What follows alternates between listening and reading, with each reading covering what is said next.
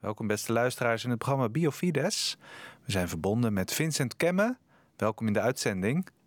Ja, fijn dat ik er weer bij mag zijn. Ja, en we gaan het hebben over een onderwerp dat uh, gaat over kunstmatige intelligentie, of ook wel artificial intelligence uh, genoemd. Ja, en we zaten net al een beetje voor te bespreken. En toen zeiden we van nou, we hebben maar een kwartier. Dus laten we maar uh, gaan beginnen met opnemen. Er zijn zoveel dingen ja. die dan daarmee te maken hebben. Uh, maar we kwamen, wij stuiten op twee artikeltjes in het Nederlands Dagblad. En dat wel, uh, die zijn toevallig allebei van 2 augustus. En die gaan allebei over uh, kunstmatige intelligentie. waarbij de ja. ene gaat over het detecteren van beroertes. En de andere ja. gaat over het detecteren van borstkanker. Ja, ja. die kunstmatige intelligentie is dan eigenlijk tot dienst van die artsen. Juist. Maar is dat wel ethisch verantwoord? En wat, wat zijn dan de haken en ogen daarbij, Vincent? Ja.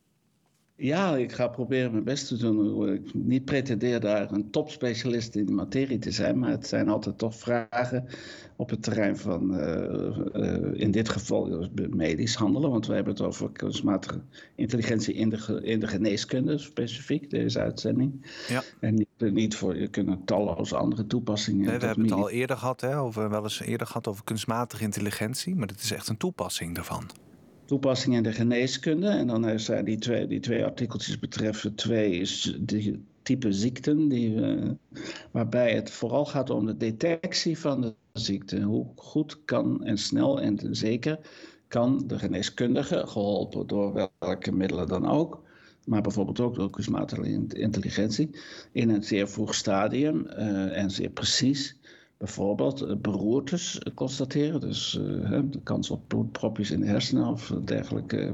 In het andere geval ging ja. het over uh, borstkanker, detectie van borstkanker. En dan ja. is eigenlijk iedereen wel erover eens dat je natuurlijk, de, de, waarneming van de arts die is goed en die intuïtie, maar die kan soms misschien beter.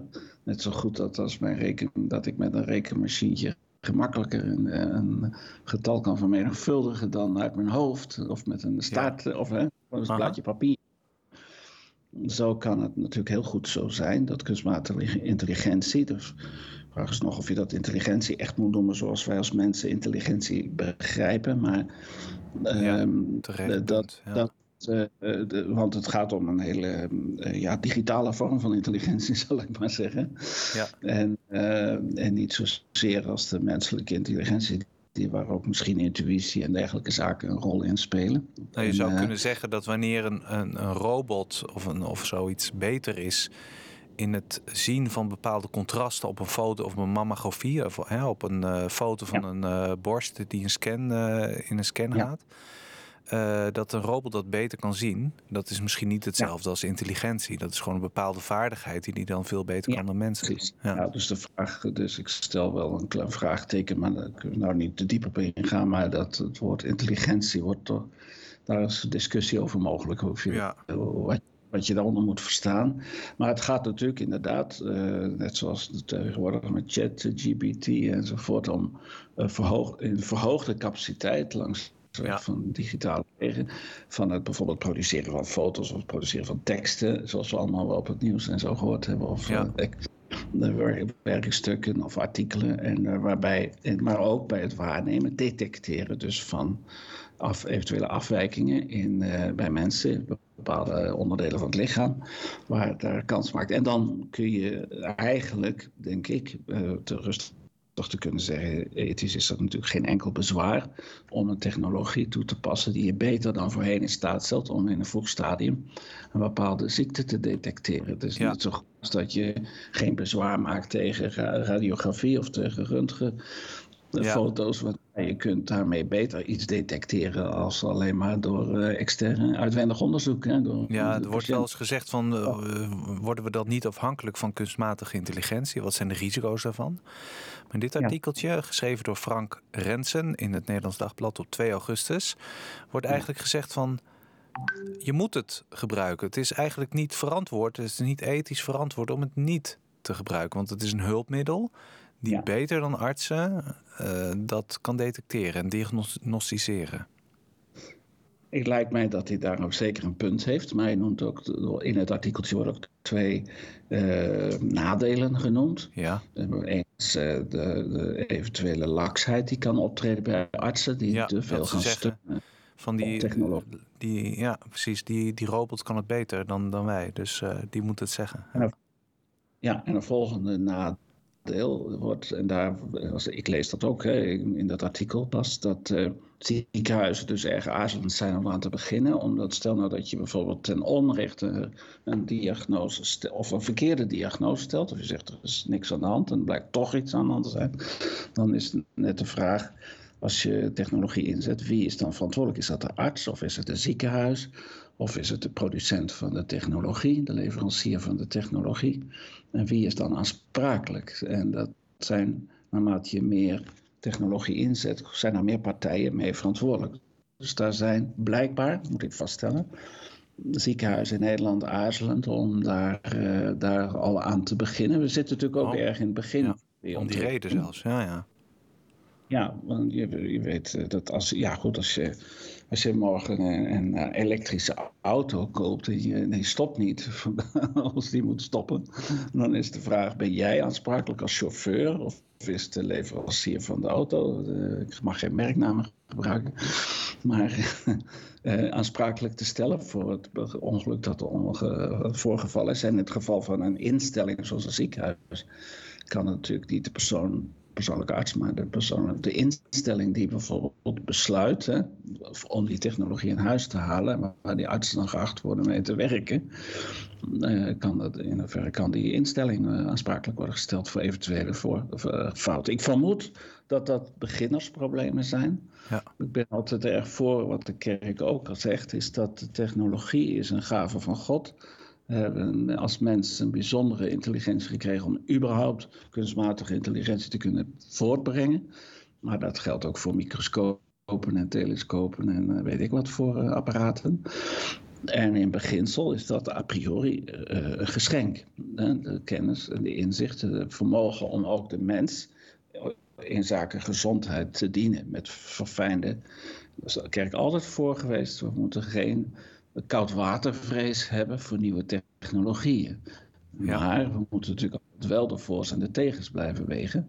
En natuurlijk mogen we nooit technologieën eh, aanwenden voor zaken die wat men noemt intrinsiek slecht zijn of intrinsiek kwaad zijn. Ik denk ja. aan abortus of uh, als je geweldige apparatuur weet te bedenken voor het plegen van abortus, ik noem dan maar wat, dan ben je, is dat geweld. Die apparatuur is ook een product van jouw intelligentie, van de gave wat die je gekregen hebt om, om iets vernuftigs te maken.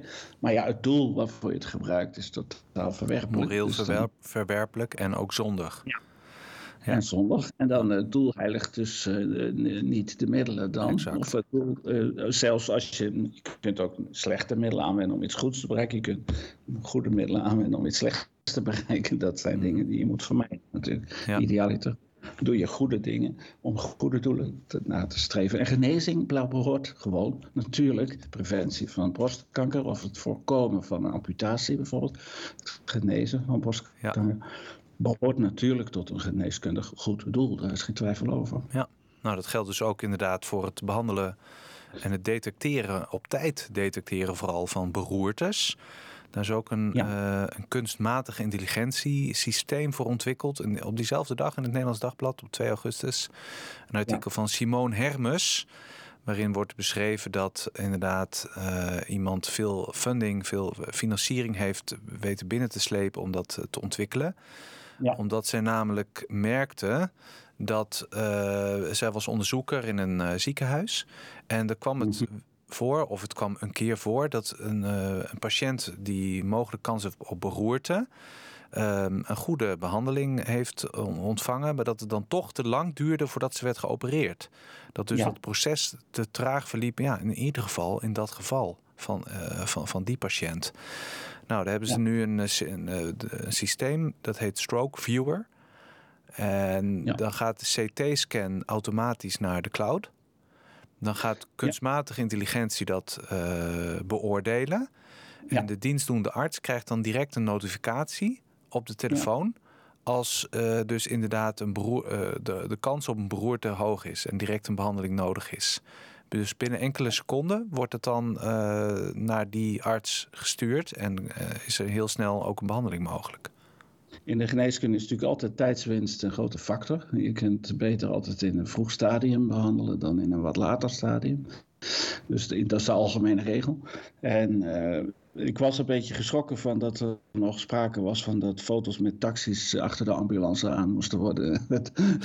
Tot wordt uh, ja. transport. Ik dacht, zouden mensen wat internet gehoord hebben, maar dat, uh, dat uh, blijkbaar wordt het daarmee verholpen. Dus dat zijn op zich interessante ontwikkelingen natuurlijk. Maar nogmaals, er zijn ook uh, schaduwzijden. Maar ik heb hetzelfde. Ik kom net van een reisje uit Frankrijk terug in België mm -hmm. terecht. En ik reken zwaar op mijn uh, GPS of TomTom noemen ze dat in Nederland, maar dat is een merknaam, dus dat mag ik eigenlijk niet zeggen.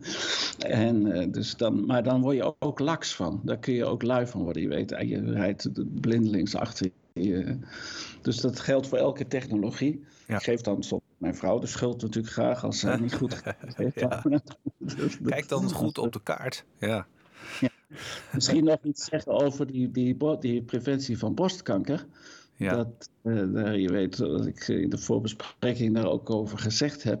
Kijk, ik vind het, dit is een nieuwe technologie. Ik denk dat we fundamenteel daar positief tegenover moeten staan. Rekening ja. houden met de risico's van bijvoorbeeld die laksheid, van te zwaar, artsen die te zwaar gaan leunen op uh, technologie en minder uh, hun eigenlijke werk doen. Ook. Ja, ja. En natuurlijk dat we moeten waken voor de goede toepassingen, voor het nastreven van goede doelen met deze technologie. Natuurlijk, natuurlijk. Ja, dus die heb je ook genoemd. We hadden het in de voorbespreking inderdaad ook over niet alleen de detectie van borstkanker, ja. maar ook over de preventie. Dat is eigenlijk een heel ander onderwerp, ja. maar daar kwamen we ook Totaal eigenlijk automatisch op. Ja, dus dat is uh, voor mij dan altijd een beetje de eenzijdigheid. Uh, die als men over borstkanker spreekt, dan krijg je statistieken en getallen enzovoort. En dan hoor ik helemaal niks zeggen over een van de uh, oorzaken van borstkanker die bekend is in de genees, geneeskundige literatuur. En dat is hormonale anticonceptie. En dat is natuurlijk een favoriet thema binnen het kader van geloof en, uh, en geneeskunde en geloof en biologie en uh, ja. vruchtbaarheid. Uh, ik heb onlangs heeft de Amerikaanse katholieke artsenvereniging de seculiere katholieke artsenvereniging van Amerika gefeliciteerd met het feit dat men nu toegeeft dat uh, borstkanker, uh, de kans op borstkanker bij vrouwen 20 tot 30 procent verhoogd wordt door het gebruik van uh, contraceptie. Ik kom net uit Frankrijk, daar sprak ik een vrouw die erg betrokken is bij huwelijksvoorbereiding en ook op terrein van natuurlijke geboorteregeling enzovoort meer. En die wist me ook te vertellen dat daar in Boulogne-sur-Mer, om was het om precies te zijn, dat als de vrouw daar met borstkanker naar het ziekenhuis gaat, dan uh, wordt de eerste vraag die haar gesteld wordt is gebruik je uh, hormonale anticonceptie. Daar bedoel ik mee het spiraal, ja. hormoonspiraaltje, sorry, hormoonspiraaltje. Ja. Uh -huh. Of de pil of een implantaat, maar in ja. ieder geval middel. Nu, die hormonale therapie, als je het zo wil noemen, het, is geen het verdient het woord therapie niet, want het is gericht op het onvruchtbaar maken van de vrouw en de huwelijksstaat die heeft een grote impact op eh, de, het hele hormoonsysteem van de vrouw. En uh, men weet gewoon, maar verzwijgt massaal, ook in dit soort artikelen, waar men volle bak inzet op de kansen van de artificiële intelligentie. En 100% zwijgt over de oorzaken, waar kunnen we niet, is ook het hebben over de, de, het feit dat hormonale contraceptie, wat toch massaal gebruikt wordt, waar de farmaceutische industrie bakken geld aan verdient, maar wat dus de kans op borstkanker aanzienlijk verhoogt. Dus ik ja. zou dat uh, dus willen te, pleiten om niet alleen de detectie, maar ook de preventie. Precies, dat wil zeggen dat we dan eigenlijk moeten oproepen om te stoppen met uh, anti anticonceptie in de zin van hormonale, uh, dus de pil bijvoorbeeld dat dat ja. gewoon een, een, verhoogd risico met zich meebrengt voor, voor het krijgen van borstkanker. Nog één minuut dus als... hebben we tijd, nog, uh, iets minder ja. zelfs dan een minuut. Wat is een goed alternatief voor de pil? natuurlijke familieplanning wordt dat vaak genoemd, of gezinsplanning of geboorteregeling. Er zijn verschillende woorden voor. In Nederland zijn vooral bekend Sensiplan. Dat komt uit Duitsland, is universitair geschoold, even onderzocht, even betrouwbaar als de pil. En uh, natuurlijk ook fertility care, waar dokter Suzanne van der Velde uit Nijmegen vooral bekendheid uh, mee uh, maakt. Het zijn twee wetenschappelijk volledig solide en geteste methoden op grond van symptomen en temperatuur, waarbij de vrouw en de man samen, samen is het is gezamenlijke verantwoordelijkheid, de vruchtbare dagen kan vaststellen in een cyclus, zelfs okay. in onregelmatige cycli, zodat men verantwoord met de vruchtbaarheid om kan gaan. Sensiplan en fertility care als goede alternatieven voor de pil. En uh, te, te, voor een, een natuurlijke geboorteregeling, maar ook ter preventie van borstkanker. Ook en zonder bijwerkingen. En zonder bijwerkingen. Vincent Kemme, heel erg bedankt weer voor deze bijdrage in het programma Biofides.